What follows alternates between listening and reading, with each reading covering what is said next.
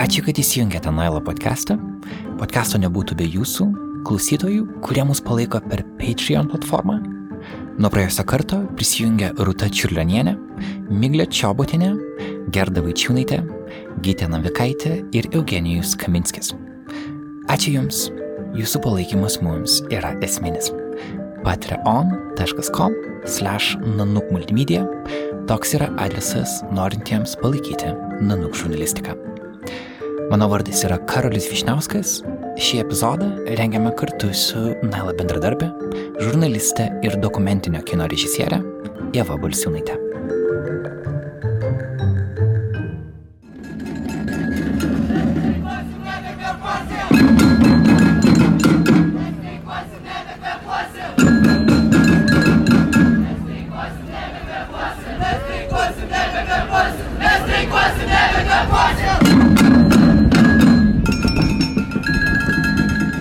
2019 buvo protestų metai. Hongkonge milijonai žmonių išėjo pasisakyti už demokratiją, rizikuodami savo laisvę, o kartais ir gyvybę. Greta Thunberg mobilizavo žmonės nuo Švedijos iki JAV reikalauti kitokios klimato politikos. Žmonės išėjo į gatves Čilėje, Prancūzijoje, Sudane ir daugelį kitų pasaulio vietų, tarp jų ir Lietuvoje. Vis dėlto Lietuvos protestų kultūra yra savita. Gali manyti, kad ji yra pasyvi, bet ar tikrai? Tokį klausimą kėlė Jeva. Šią temą jie įkvėpė studijos Sion Spo universitete Prancūzijoje. Pasakojime, kurį lydės Evos ir mano dialogas, išgirsite Lietuvos protestuotojas, aktyvistės ir protesto tyrėjas. Gero klausimo.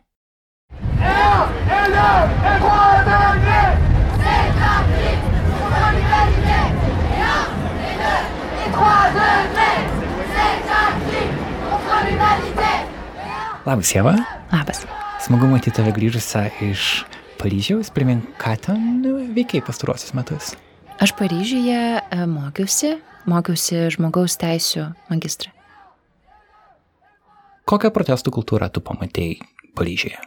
Aš pamačiau ją iš ties labai drąsią ir labai didelį solidarumą žmonių vieni su kitais. Aš atsimenu vieną momentą, čia buvo mano pirmais studijų metais, kuomet buvo svarstoma pakeisti prieimimo į universitetus tvarką. Ir studentai ėjo į gatves, buvo uždaryti universitetai ir panašiai.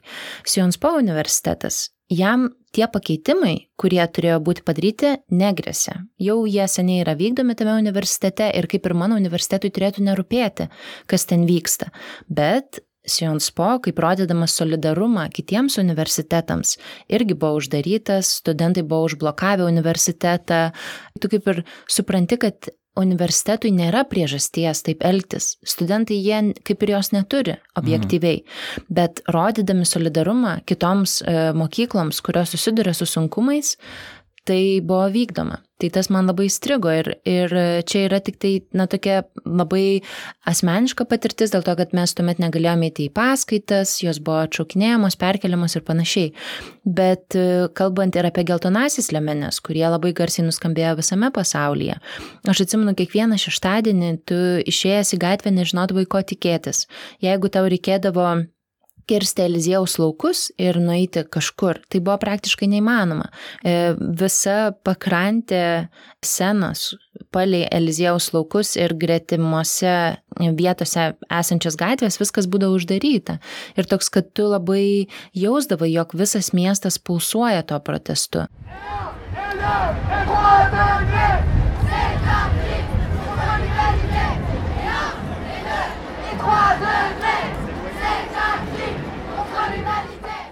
Kas man buvo įdomu, kad e, beveik tuo pačiu metu, kai Prancūzijoje 2018 metais e, prasidėjo geltonųjų lemenių protestai, tai čia buvo na, spalio pabaiga, lapkričio mėno, Lietuvoje ėmė streikuoti mokytojai. Tai labai norėjos labiau pažinti tą streiką ir kaip jautėsi patys mokytojai jo metu. Aš labai džiaugiuosi, kad pavyko pasiekti vieną, na, tokių e, garsesnių mokytojų streiko balsų e, lietuvių kalbos ir literatūros mokytoja Lilija Bručkienė, kuri dirba Klaipėdos vidūno gimnazijoje. Su jie sustikome vasarą dar ir dalėjomės mintimis e, apie streiką. Lilija buvo viena tų mokytojų, kurie iš Klaipėdos vyko į Vilnių, į darybas su politikais ir jos norėta vienos dienos viešnagė virto į tris savaitės gyvenimo ministerijoje.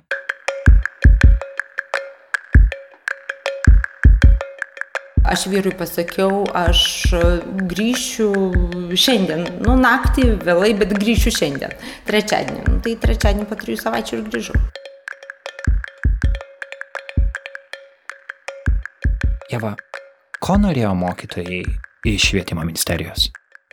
Pagrindiniai reikalavimai buvo susiję su darbo užmokesčio kelimu, tuomet su paties etato, kuris yra e, skiriamas mokytojams korekcijomis, todėl kad ten buvo labai daug neaiškumų dėl kontaktinių valandų, tai yra, kurias pats mokytojas praleidžia klasėje, mokydamas mokinius, ir nekontaktinių valandų, tai yra tų, kurias mokytojas praleidžia jau ne klasėje, tai yra, pavyzdžiui, taisydamas darbus ir panašiai. Taip, ir tos valandos buvo praktiškai nuvertintos, kad mokytojai dirbdavo daug daugiau negu jiems būdavo apmokama. Taip, taip, ir tai mhm. natūraliai kėlė pyktį mokytojams. Ir dar vienas dalykas, kuris buvo irgi įtrauktas į reikalavimus, čia žinoma, mes viską taip labai glaustai, sutrumpintai pasakome, bet tai, kad mokinių skaičius klasėse turėtų būti mažinamas tam, kad visas ugdymo procesas galėtų vykti sklandžiau ir mokytojai galėtų mokiniams skirti daugiau dėmesio. Bet kaip suprantu, ministerija šitos reikalavimus neatsižvelgia, bent jau ne taip, kaip mokytojai norėtų. Taip, ir tai mokytojus ir paskatino vykti į Vilnių, į dėrybas, kad tie reikalavimai būtų išgirsti. Tačiau dėrybos jos neįvyko, tą dieną čia buvo lapkričio 28 ir tai paskatino mokytojus likti ministerijoje, ten realiai perkelti savo būti, namus, pasitarimus, viską daryti būnant kartu. O tą patį pirmą vakarą mums mokytoja viena paskambino savo mokiniams į elektrenus, jie atvežė mėgmaišių, aš paskambinau savo dukrai, jinai atvežė mėgmaišį, drabužių atvežė. Na ir aš parašiau vyrui žinutę, kad žinai, aš lieku ministerijoje čia porai, porai naktų, kol prasidės normalios dėrybos, tu jau pakentiek, nu taip jau įvyko. Ar tos, ką Lilija vadina normalios dėrybos, galiausiai prasidėjo? Ne, jos neprasidėjo, Ir tai ir išprovokavo tai, kad mokytojai pasiliko ten ilgesniam laikui. Ir buvo daug, na, tokių kaip provokacijų prieš pačius mokytojus. Pavyzdžiui, penktadienį, tai yra praėjus uh, porai dienų po to, kai mokytojai liko ministerijoje, uh, buvo taip, kad uh, keli mokytojai buvo išėję iš ministerijos, keli pasilikę viduje ir ministerija buvo užrakinta, buvo neįleidžiami žmonės ir panašiai. Ir tada ir buvo ta garsioji, taip žiniasklaidoje nuskambėjusi situacija, kuomet mokytojai lipo per langus. Tai Lilija vadina garsiuoju penktadieniu, kuris e, padarė na, tokį kaip lūžį ir suteikė dar daugiau svorio jų streikui ir buvimui ministerijoje. Ta penktadienį garsųjį, kai čia 0,2 procento mokytojų lipo per langus, tai yra nuo 5 iki 7 mokytojų lipo per langus. Iš tikrųjų buvo toks palaikymas, kai mes grįžom į ministeriją, kad pusę nakties žmonės vežė mums maistą, vežė vienkartinių servetėlių, vežė vaisių, daržovių, medaus, kavos, arbatos, vežė hygienos, šampūnų ir taip toliau. Ir iš tikrųjų palaikymas buvo nerealus nerealus, nepažįstami žmonės ir net ne Vilniečiai atvažiuodavo, vidurnaktį atvažiuodavo ir ten tas sargas vis paskambina, teikit pasiimti, žodžiu, jų neįleisdavo ir mes turėdavome eisti. Tai iš esmės tas tris savaitės iš tikrųjų žmonės e, parašydavo į messengerį, parašydavo, kad parašykit, ko reikia, mes visko atnešim. Atėjo laikas, čia po to penktadienio, kai mes supratom, kad reikia iš tokio labai stichiško pereiti į organizaciją. Tai tada mes iš tikrųjų šiek tiek skirstėmės pareigomis, kas už ką atsakingas, kas ką daro. Kai reikėdavo spręsti, mes sėsdavome ratu ir tardavomės, ką daryti reikėtų ir, ir balsuodavom ir tiesiog tardavomės, kaip turėtume elgtis. Tai buvo tam tikri dalykai, pavyzdžiui, kažkas tai labiau galėjo, buvo drąsesnis, labiau, pavyzdžiui, su korespondentais bendravo, kažkas e, buvo, kas važiuodavo į radio laidas, kas nebijo kamerų ir gali išnekėti. Kažkas, pavyzdžiui, aš buvau, kaip aš juokiuosi, aš buvau karo korespondentė ir ryšiam su, su su visuomenė korespondentė. Tai yra, jo, aš eidavau šnekėti su žurnalistais.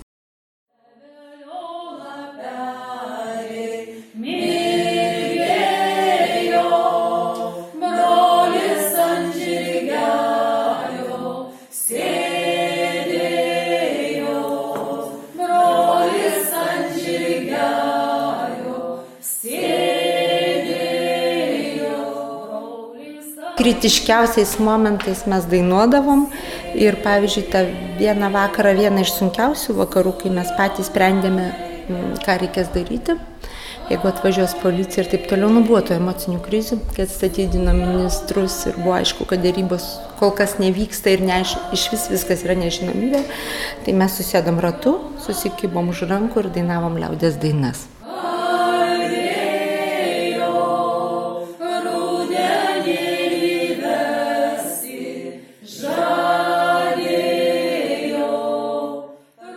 Aš supratau, kodėl žmonės sunkiausiais momentais dainuoja. Nes tai buvo tikrai vat, vieni iš tokių turbūt nuoširdžiausių ir, ir, tikriausių išgyvenimų tuo metu.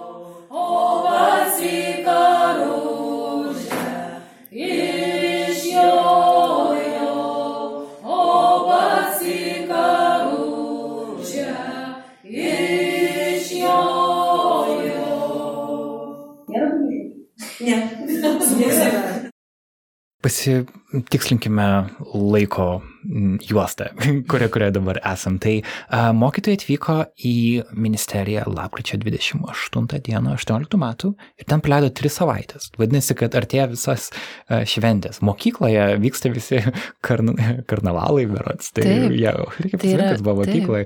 Ir uh, visi kalėdiniai reikalai. Ir mokytojų ten nėra. Ir Lilija vis tiek bendravo su savo moksleiviais. Taip, iš ties, tai juk pažvelgus yra vienas na tokių intensyviausių ir gražiausių momentų. Ir Lilijos e, vieni moksleivių, kuriuos jie turėjo, jie buvo šeštokai.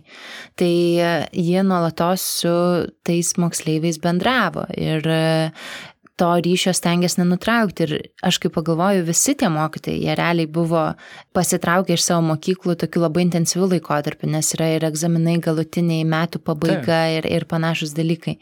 Tai Jo, visai įdomus šitas. Mm. Mes turim Lilijos sveikinimą jos moksleiviams iš ministerijos įrašą. Klausykim ją.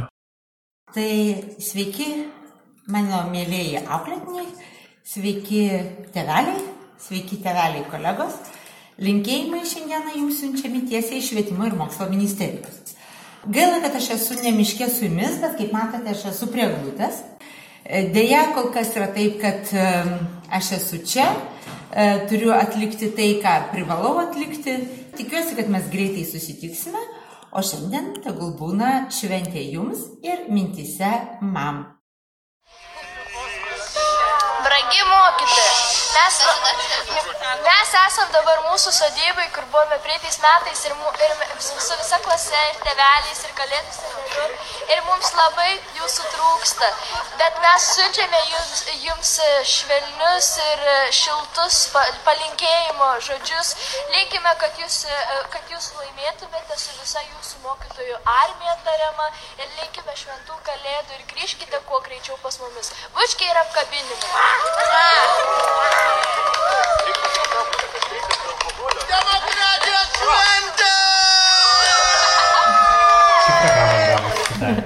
Nu kaip apsiverkia, kiekvieną kartą, kai tokia būna apsiverkia.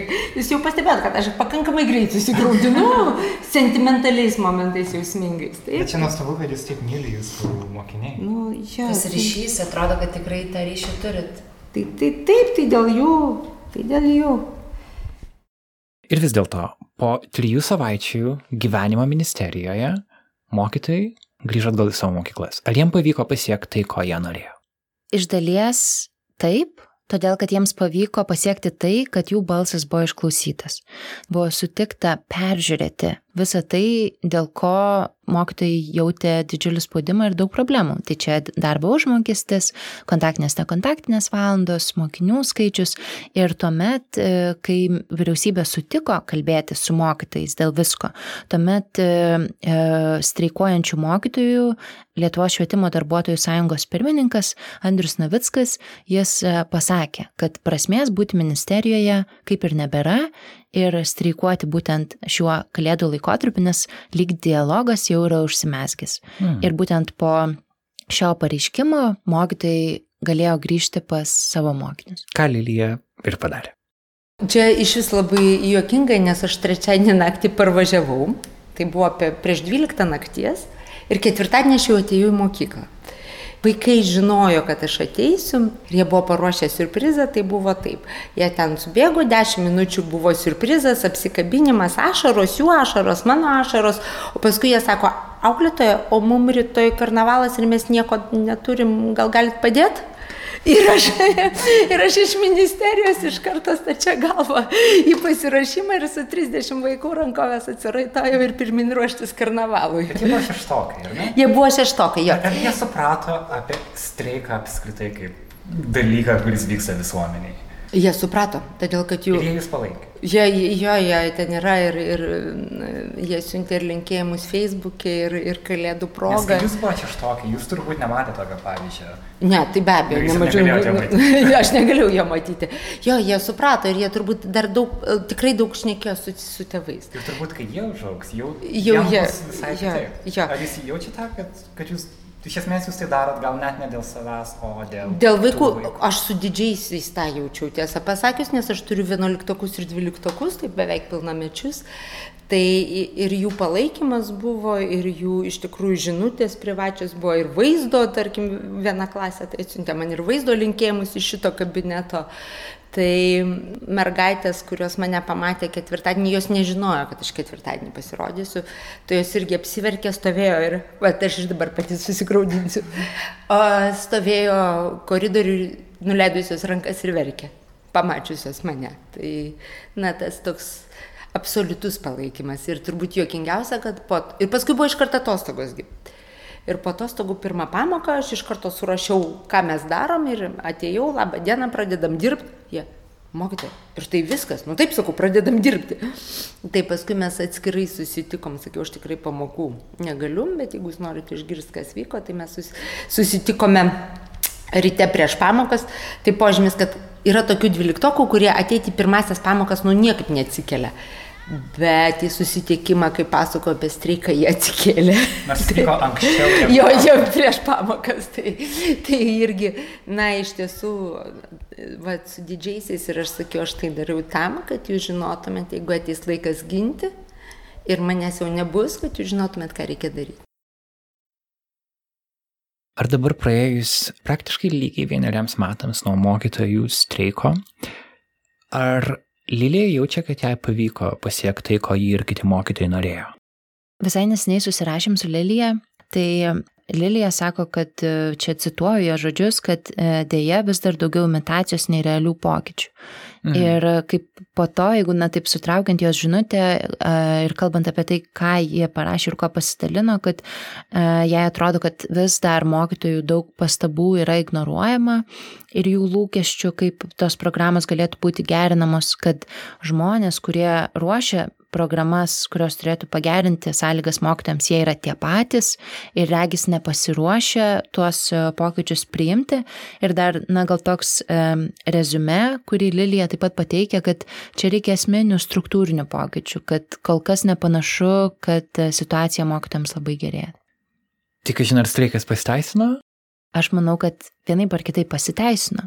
Todėl, kad situacija, na, ji nestovi vietoje, tos diskusijos vyksta, galbūt jos ir yra, nežinau, apibarstytos tais biurokratiniais prieskoniais, kur yra daug e, ignoravimo vieni kitų, bet dialogas jis vyksta. Ir kas man, tarkim, šitoje situacijoje labai įsimena, kad žmonės netyli, kad jie reaguoja. Žinai, kad ir buvo va visai neseniai juk įspėjamasis mokytojų streikas, Taip. ar ne? Kuris irgi yra nu toks kaip signalas. Tai valdantieji šiuo būtent mokytojų atveju, jie turi turėti tam tikrą atsakomybę ir atskaitomybę už tai, ką jie daro. Tai aš manau, kad kaip bebūtų, nors ir nėra tų svarių, realių pokyčių dar kol kas, ar ne, sutarta, bet vien tai, kad dialogas vyksta, svarstymai, diskusijos, savo balso pareiškimas, savo nepasitenkinimo pareiškimas, kad visuomenė reaguoja, nes mokytojai pritraukia labai daug dėmesio iš skirtingų visuomenės e, narių. Tai aš manau, kad tai galima vertinti kaip pozityvų dalyką.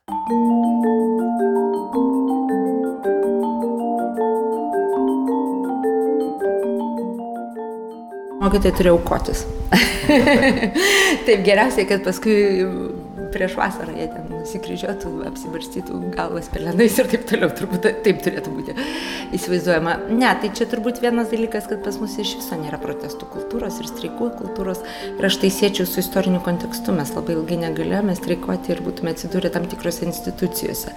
Tai jeigu mes šnekėtume apie tą visuomenės dalį, kuri yra subrendusi ir kuri bando suprasti, kas vyksta, tai vis dėlto didžioji dalis dar augusi tai, tai, tai sovietmečių, taip. Ir, ir tie žmonės gerokai virš 30-40, jie dar yra ragavę to sovietmečio ir, ir labai reikia tada sekti, domėtis, kad tu suvoktum iš viso, koks yra streiko tikslas, ką daro streikas, kokia yra streikų istorija ir, ir kaip tai susijęs su demokratija ir kaip tai susijęs su politika ir panašiai.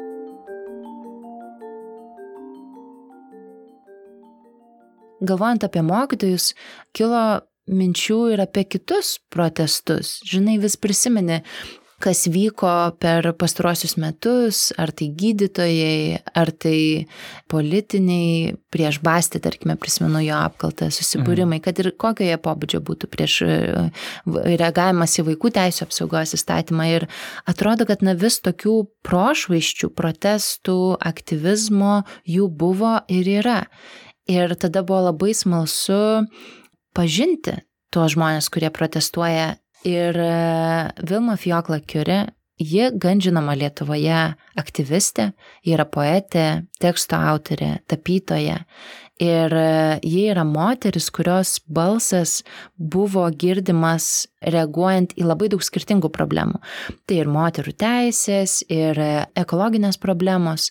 Ir Vilma Fiokla Kiurė yra na, vienas tų žmonių, kuriuos prisimeni pagalvojęs apie aktyvizmą ir apie protestus Lietuvoje. Jie atrodo, tai darė dar prieš tam tampant, sakykime, madingų dalykų, bent jau prieš taip, Facebooką. Prieš taip, tai tikrai ir gerokai. Protestų eventus. Taip, ir gerokai seniau. Ir e, ji iš dalies taip atrodo, na lyg ir kūnyje šiek tiek tą aktyvizmą Lietuvoje. Mm. Tad buvo labai įdomu su ją susipažinti ir išgirsti, ką ji galvoja apie visą protesto kultūros egzistavimą arba neegzistavimą Lietuvoje ir išgirsti jos patirtis. Aktyvizmas yra tiesiog, manau, charakterio struktūra ir tai prasidėjo nuo pačios vaikystės. Aš nežinau, jau, jau mokyklos laikais ten protestuodavau prieš tarybinės tas visas normas, ten nešioti portfelius, tik tai atsimenu, labai nukentėjau nuo tokio, kaip sakyt, savo mokyklos, savo klasės auklėtojo, kuris tiesiog terorizavo, kad būtent reikia vaikščioti su portfeliu, nes ten kažkokia tai tašelė, žinai. Ir tai buvo, buvo pirmosios kovos. Ką ten mm, portfelį ten dar anksčiau, ten kokią suknelę užsidėti, pavyzdžiui. Ten. Tiesiog tu esi va, toks žmogus maištingas nuo, nuo prigimties ir, ir, ir visą laiką kovoju už savo kažkokius įsitikinimus. Aš prisimenu 2012 metus, kuomet per kultūros naktį vyko jos sumanytas performances, toks na kaip literatūrinis eksperi eksperimentas po kudirką arba patriarchams paliepus mums panorėjus. Tai buvo moterų performances ir jos skaitė tekstus būtent iš e, kudirkos laikų e, raštų, kurie akcentavo labai daug moterų padėtį. Ir po kudirkais pavadintas neatsitiktinai, nes tai realiai vyko Vilniaus pažyminiai automobilio aikštelė taip. esančiai po Kudirkos paminklu. Taip, Kudirkos, Kudirkos aikštėje. aikštėje Vilniuje. Taip, Kudirkos aikštėje, kur susirinko moteris, kurios e, skaitė tekstus ir tuomet e, aplinkui buvo susibūrę žmonės, kurie klausėsi. Atmindamos drąsiasias 17-20 amžiaus moteris, Mėlynasias koinės, tampytas po kalėjimų rusius dėl užkerpėjusių patriarchalizmą klibinančių įsitikinimų, mes stovime čia, pogrindyje, virš mūsų tos pačios konservatyvios tradicijos pamatai, iki šiol tvirtai laikantis valstybę. Mes čia, kad pagraužtume, išsprogdintume juos kaip tavo Lietuvą, virksmingos gimdos senelės, savo meilės džiaugsmingų orgasmų syvais. Viena iš performanso dalių buvo Lietuvos himnas, kurio žodžiai, e, vyriški žodžiai arba vyriškos giminės žodžiai, jie buvo pakeisti moteriškos giminės žodžiais. Lietuva,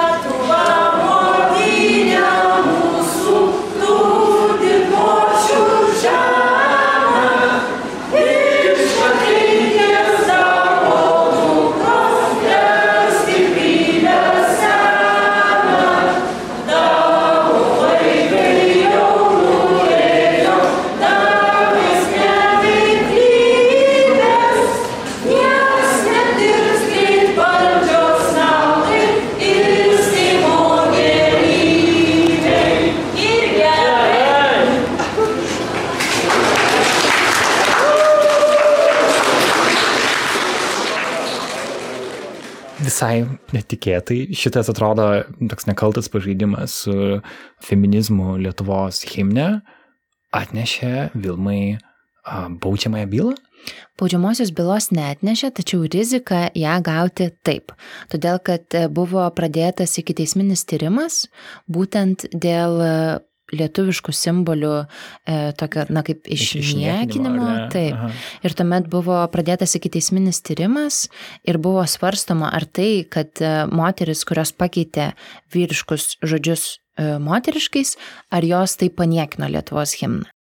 Mes ten grupė merginų moterų sugalvojom, kad kad reikia pabandyti literatūri, literatūrinį tokį eksperimentą vietoj vyriškų žodžių, kuris, kur, kurių labai daug himne mūsų valstybės, į, pakeisti moteriškais, tiesiog feministinė tokia deklaracija, kad atkreipdėmėsi. Ir mes visiškai ten per daug net nerepetavę, tiesiog buvo toksai draugų rate, galima sakyti, renginukas, kur, kur vat, mažai kas vaikšto į tokius renginius viskas taip vat išsisuko iki praktiškai bylos kriminalinės, baudžiamosios, net ne administracinės, o ten tiesiog su baudžiamąją laisvės atėmimo terminais. Buvo labai labai baisu, nors visi ten netikėjo, kad ten kažkas rimto išeis iki, iki arešto, bet vis tiek, kai, kai tai jau vyksta, tai visai kitaip jautiesi, žodžiu, jie pasiekė savo, galima sakyti, tikslą, tas bauginimo aktas jiems pavyko. Ir, ir tai buvo, kaip sakyt, parodomasis, galima sakyti, aktas, nes tiesiog po, po viso šito labai aprimo, aprimo aktyvizmas gerokai. Ir kodėl? Ar tai įvyko dėl baimės, kad e, galima štai sulaukti baudžiamosios atsakomybės už tai, ką tai darai? Tai ta baimė, taip, jinai siejama ir, ir kadangi tas ratas aktyvistų yra gan mažas, tai iš tikrųjų visi paskaičiuoja ar padaro išvadas, nes, pavyzdžiui, e, teistumas yra didžiulis, didžiulis, kaip sakyti, stabdis karjerai ir, ir tiesiog gali sugriauti gyvenimą žmogui, kuris nu, toks e, socialus, kuris siekia, siekia ten laipsnių mokslinių, mokosi kažkur. Tai tiesiog jie pa, pasirinko gerą taktiką, tiesiog per tokius legalius, legaliais instrumentais e, greudž žmonėms gyvenimus. Už nieką praktiškai, už, už žodžius. Jeva, kai Vilma kalba apie juos, kas yra tie jie, kas, kas jo, ją apskundė teismui? Ja teismui apskundė tautininkų atstovas, Ir pati Vilma sako, kad e, pasakojo tiksliau, kad na, jie jautėsi lik atsidūrusi jų akiratyje ir kad jautėsi, kad jie nuolatos stebi tai, ką jinai daro. Gali labai lengvai išjudinti ant tokių jautrių dalykų kaip himnas, labai gali išjudinti tą fantaziją, vad sakau, lietuvių mylimiausias e, patriotiniai objektai, vaikučiai ir dar vat, šuniukai. Ir taip atrodo, kad žmonės, kurie e, išgyvena didžiausią panieką, tie, kurie kovoja dėl žmogaus teisų, arba didžiausius persekiojimus ir, ir, ir ten terorizavimą, tie, kurie kovoja prieš klimato kaitą, kurie, už, kurie rūpinasi bendru gėriu, labiausiai va, skriaudžiami ir ke kenčia tie, kurie kovoja už tai, kas turėtų rūpėti visiems. Čia šitas labiausiai taip skaudina kad grįžtant prie to himno, tai mes nieko, nieko blogo nedarėm, išskyrus tai, kad atkreipėm dėmesį į moterų padėtį, tų pačių e, moterų kudirkos laikais, kurios iš tikrųjų daug darbo įdėjo į valstybingumo kūrimą ir pas, paskui jas iš visur iš, iš, išmėtė, galima sakyti, nepapuolė nei viena ten į jokias valdžios struktūras. Tai tiesiog norėjom atkreipti, kad nu, dėmesį moterų padėti, kad jinai vat, yra tokia, Tai negana to mus labiausiai persekio moteris iš teisės saugos, net ne vyrai. Mūsų ten e, tardytoja buvo moteris, prokurorė buvo moteris. Kai tu, kaip sakyt, kovoji už moterų teisės ir nejauti solidarumo su tom pačiom moterim, kad jos pasirodo tose situacijose dar žiauresnės negu vyrai, tai tas labai šokiravo. Ir sakau, jau atrodo, jau tiek metų nugyvenau, bet niekaip negaliu atsistebėti va tais tokiais nelogiškais žmonėm, tokiais destruktyviais žmonėm, kurie tiesiog ne, neharmoningi, ne, nesuvokia elementarių tokių dėsnių. Tai jeigu tu iškirsi medžius ir, ne, tai, tai, ir nebus oro, kokios čia dar gali būti klausimai, kokios čia gali būti šis kokia dar diskusija tave pradeda, kaip sakyti, vardinti kaip profesionaliu protestuotoju, maždaug ten irgi rašo tenai. Jūs dabar reikit paprotestuoti ant tokių ir tokių klausimų. Dabar tai sakau, tai, tai jūs, jūs pats eikit ten paprotestuoti tokių ir tokių klausimų.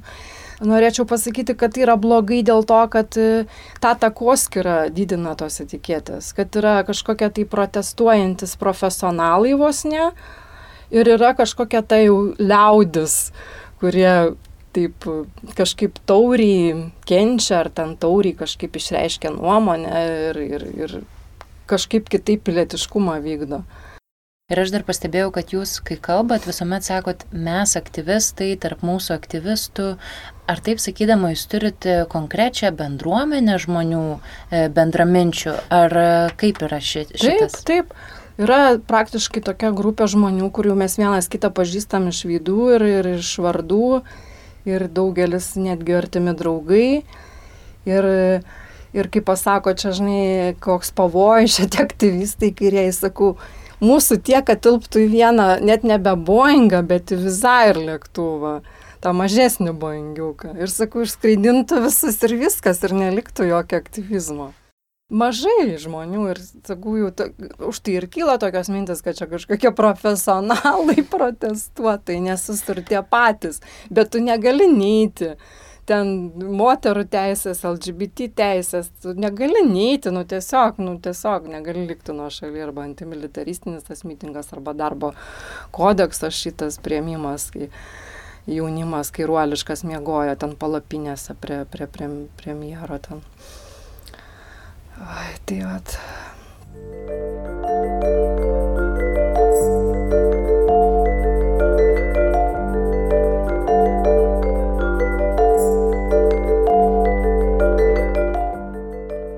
Vilma savo pasakojime akcentuoja tai, kad Lietuvoje aktyvizmo ir aktyvistų nėra daug. Ir tai man ima keltina klausimus, kodėl tų aktyvistų nėra daugiau, kodėl daugiau visuomenės narių neįsitraukia į protestus. Žinoma, tai, kas dabar vyksta, yra gan pozityvu su universitetais ir švietimo darbuotojais, bet kaip bebūtų, tai yra labai šviežia. Tai norint išsiaiškinti, kamegi čia šuo pakastas ir kodėl mūsų visuomenė yra visgi dar vis pasyvi protesto atžvilgiu, aš susitikau su Aine Ramonaitė, Vilniaus universiteto tarptautinių santykių ir politikos e, mokslų instituto tyrėja. Tai su ją apie tai ir pasikalbėjom. Kada žmonės labiausiai linkia protestuoti, tai ne tada, kada, sakykime, smunka pragyvenimo lygis arba kada jis yra blogas, bet tada, kai jisai pradeda aukti, gerėti ir pradeda kilti lūkesčiai ir tie lūkesčiai kyla greičiau negu, negu sakykime, realybė. Tai kaip šita situacija su mokytojais ir su dėstytojais ir su gydytojais, tai čia labai, man atrodo, gerai paaiškinama per tai, kad buvo ilgą laiką čia po, po, po tos krizės, kurie atrodo jau seniai praėjo tą krizę, bet viskas buvo labai už, užšaldyta, tie atlyginimai. Ir dabar, kai ekonomika auga, tai na, tiesiog jau kantrybės nebeužtenka, kadangi tarsi nesivėja, nei, nei atlyginimai visiškai nesivėja to bendro augimo ir, ir va, tas atotrukis tarp lūkesčių ir, ir realybės jis jau pasidarė nebepakeliamas. Ir dėl to žodžiu, galim sakyti, tas ekonomikos augimas ir, man atrodo, čia buvo viena iš pagrindinių priežasčių. E, kita vertus yra ir šiek toks užkrato efektas. Nes kai vieni pradeda protestuoti, tada ir kiti sako, nu palaukit, o mes, mes irgi neprastesni galbūt. Pavyzdžiui, aš atsimenu iš, iš savo ten darytų kokybinių interviu dar Lietuvoje kokiais 2003 metais atsimenu, kaime ten klausinėjau, moteriškė, nu tokia pikta pikta ant valdžios, jau taip jau sako, kai jie ten, nu jau vos nesukiks maždės, kad ten maždaug iš kokių malūnsparnių tą seimą su akmenais, žiūrėjau, taip tarmiškai išneka, su akmenais maždaug jos ten išdaužyti. Jau matosi tas toks piktis susikaupęs, o kaip tik tuo metu ten vyko e, vyko kažkokie žemdirbių ten piketai, kažkas tokio, sakau, nu tai va, tai sakau, gal dalyvaujat, gal, gal važiuosit tenai. Taip, tu sako, tai o kas man karvę pamelš? tai žodžiu, va tie resursų klausimai yra labai svarbus. Jeigu žmogus neturi, kas jam karvę pameldžia, tai jis nevažiuos į jokius tos protestus. tai, tai va, tai dabar ką mes matom, tai iš tikrųjų irgi Lietuvoje ateina tas dalykas, kad jaunesni, aukštesnio išlavinimo ir aukštesnio socialinio statuso pradeda reikštis ir ypač tokiuose vat, politiniuose procesuose, kurie, sakykime, gal ne tiek dėl savo pačių gerovės, kiek dėl kažkokio tokio viešojo bendrojo intereso.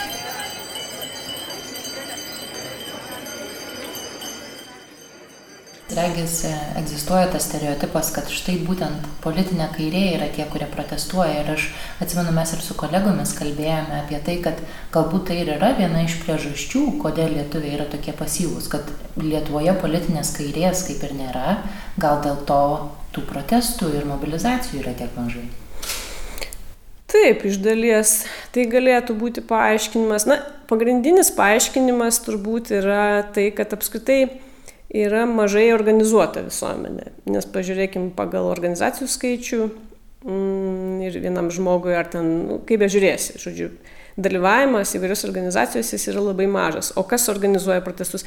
Tai aišku, būna tokių spontaniškų, kur ten tiesiog žmonės eina į gatves be jokių organizacijų, bet šiaip normaliai vis dėlto E, net ir protesto akcijos jos vyksta ten, kur yra at, stiprios arba profsąjungos, arba kažkokie socialiniai judėjimai. Tai pas mus iki šiol ir profsąjungos silpnos, ir socialiniai judėjimai silpni. Na taip, vakaruose e, ir vieni ir kiti paprastai siejami yra su kaire. Pas mus ta kairė dešinė Lietuvoje tokia labai keista, tiesą pasakius. Ir e, jeigu mes pažiūrėsim taip tradiciškai, kas Lietuvoje suvokiama kaip kairė ir dešinė, jeigu tokias, vad, paimsim partijas kairės ir dešinės, tai beveik pas mus yra atvirkštinė situacija, kad kairieji yra tie tokie, e, šiek tiek nostalgiški sovietmečiai ir tokie labiau status quo palaikantis, o dešinieji visą laiką buvo tie tokie į priekį einantis, tokie modernizacijos kažkokios e, šalininkai ir tokie nuo sąjūdžio laikų dar revoliucingi žmonės. Tai aš visai nesistebiu, kad pavyzdžiui ir tuose protestuose jeigu paklaustum žmonių, kas dalyvavo tuose protestuose čia, kur vyko Lietuvoje, tai vargu ar jie save įvardintų kaip kairiuosius pagal mūsų lietuvišką sampratą, galbūt kaip tik kaip dešiniuosius, tiesą pasakius. Tai va čia yra tas toks paradoksas.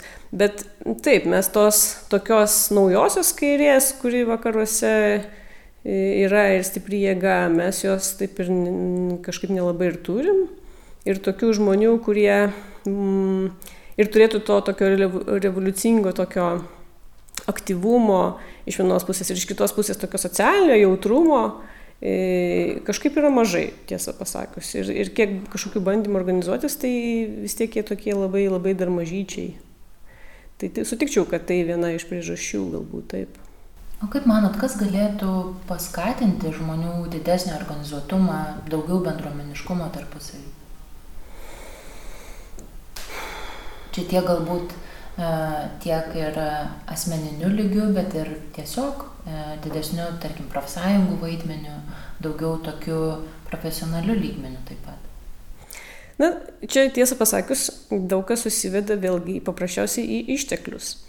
Nes dabar įkurti kažkokią organizaciją, ją išlaikyti, ar tai būtų profsąjunga, ar kažkokia kitokia organizacija, Lietuvoje yra labai sudėtinga, nes, na, nu, tarkim, tu nelabai gali turėti kažkokių darbuotojų, kurie ties to dirbtų, nes nėra iš kur. Jeigu yra kažkokie pinigai, tai jie tik tai iš kokių nors projektų, bet tai tada visas tas resursas sueina tiem projektam. O kaip išlaikyti žmogų, kuris tiesiog kasdieninį kažkokį darbą dirbtų. Tai tie žmonės, kurie, vat, tarkim, ir šituose protestuose, kurie e, dalyvavo ir kurie viską organizavo, tai jie aukoja visą savo, nu, visą laiką nuo darbo atliekamą, tai yra beprotiškas darbas iš tikrųjų. Ir ypač kai tu, jeigu tu dar pakankamai neturtingai gyveni ir tu, tu tų darbų turi daug, tu neturi laisvo laiko daug jau vien dėl to, kad tu turi išgyventi. Ir dabar čia dar turi papildomai prie to užsimti dar tokią sudėtingą organizacinę veiklą. Tai, nu, kiek žmonių gali savo tą leisti ir kiek žmonių turi jėgų tą daryti ir kiek laiko. Nu, gerai, sakykime, trumpai ten gali, bet tai kol tu išmoksti, kol tu įgauni tų įgūdžių, kaip tai daryti, tai galiausiai jau užsibaigia tavo visos galimybės laiko turimo. Tai tiesiog nu, mažai žmonių yra, kurie tą galėtų be jokių resursų, be jokių išteklių daryti. O vat, kažkokios tokios schemos, iš kur tų pinigų galėtų tokios organizacijos gauti, jos kaip ir nėra normalios Lietuvoje. Tai manau, čia viena iš tokių priežasčių ir, aišku, nu, banali priežastis, bet, nu, jinai realiai ką daryti. Jeigu žmonės yra labai pilietiškai aktyvūs, tai yra sunku įsivaizduoti, kad tokia šalis galėtų būti nedemokratiška. Nes ją nedemokratiškai valdyti būtų nepaprastai sunku, tai turėtų būti milžiniško masto represinis aparatas, kad tu galėtum tokius aktyvius žmonės kažkaip suspausti, surepresuoti, kad jie tylėtų. Ne? Tai, va, tai tas ryšys abipusis ir dėl to koreliacija yra matoma, tik tai kaip kaip sakau, kad nebūtinai viskas susiveda į protesto politiką, nes jeigu yra kažkokie aiškiai institucionalizuoti būdai, kaip visuomenė gali mm, organizuotis ir su valdžia, tarkim, dėrėtis, kalbėtis per, ten, tarkim, interesų grupės ar per organizacijas, ar ten pagaliau, kad ir per partijas ir panašiai, ar per žiniasklaidą pagaliau, tai tada nebūtinai tas turi išvirsti tiesiogiai į, į tas protesto kažkokias akcijas. Na nu, ir taip laikoma, bent jau klasikiniai tokie autoriai sakydavo, kad geriausias variantas tai yra tokia potencialiai aktyvi visuomenė, kuri turi savie potencialų ir esant reikalui galėtų veikti, bet nebūtinai kasdieną ten puola į gatves ir, ir, ir aiškina vyriausybei, ką čia daryti, nes vis tiek pagaliau vyriausybė irgi turi turėti kažkiek tai atveju, nu, tokias laisvesnės rankas, kad galėtų kartais ir nepopuliarius sprendimus priimti. Supratau. Labai ačiū tada.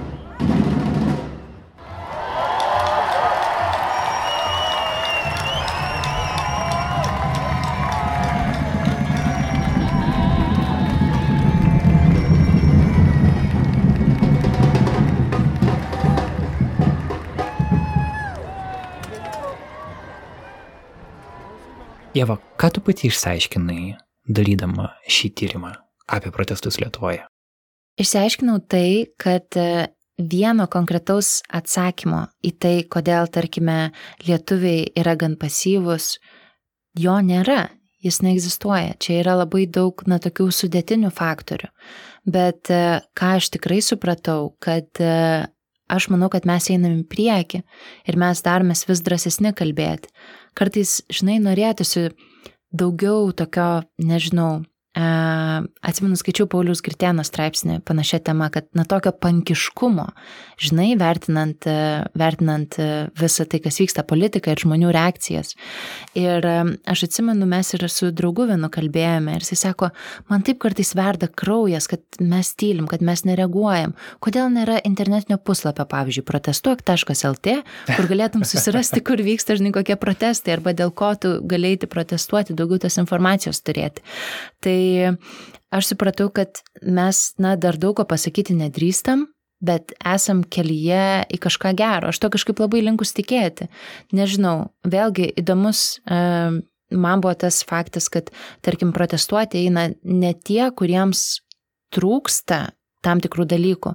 O tie, kurie kaip tik yra galbūt nelabiau ekonomiškai apsirūpinę ar ne, ir jiems tada ima rūpėti platesni dalykai, tokie kaip, nežinau, žmogaus teisės, ekologinės temos, kad, na, tas ratas vis keičiasi. Ir jeigu tai, taip... Protestas yra vos ne privilegija. Tam, taip, kad tai yra privilegija ir, žinai, tai yra ir viena iš tos, na, pilietinio, pilietinio balso išraiškų. Ir mes esame kelyje, kai visą tai ugdomės. Man atrodo, kad protestai gali turėti ne destrukcinę galę, o kūriamąją galę. Kad tu gali kurti, bendruomenės gali burtis ir kartu kurti sprendimus valstybei. Tai aš labai tikiuosi, kad mes to ir laikysimės. O aš tikiuosi, kad protestuok LT bus sukurtas. Puikus domeno pavadinimas, reikia jį patentuoti. Ačiū va tau labai už tavo darbą. Gerų 2020-ųjų. Tau taip pat.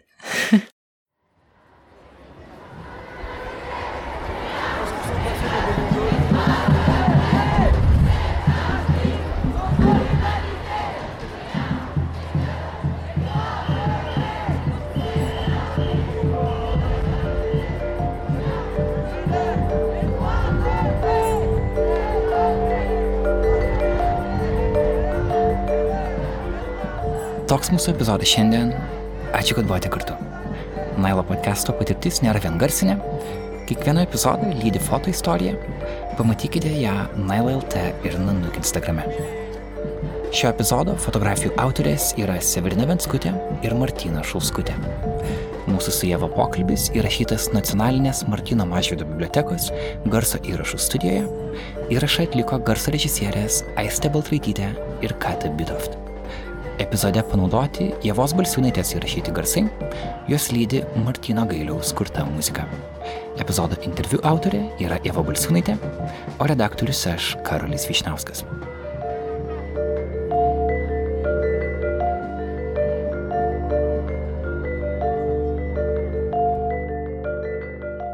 Sausį Nailo podcastas daro pertrauką. Naujų epizodų bus, bet jie išeis lėtesniu tempu, o vasarį vėl grįšime į įprastą tvarką. Kokių temų idėjų turite kitiems metams? Parašykite mums į info.etnanuk.lt, labai lauksime ir apskritai galite pasidalinti tuo, kas jums patiko šiemet, kur norėtumėte, kad podcastas judėtų toliau, ką daryti kitaip. Podcastą kūrėme visi kartu, tad jūsų balsas mums labai rūpi. Ačiū žį. Ir ačiū mūsų rėmėjams kompanijai MailerLite, kuries mumis yra nuo pat pradžių. Ir taip pat ačiū Blossomwood Foundation, mūsų 100 dolerių per mėnesį patronams. patreon.com slash nanuk multimedia toks yra adresas norintiems prisijungti, finansiškai palaikyti mūsų darbą. Gerų 2020-ųjų, tai bus aktyvūs metai, leisime juos kartu. Iki greito.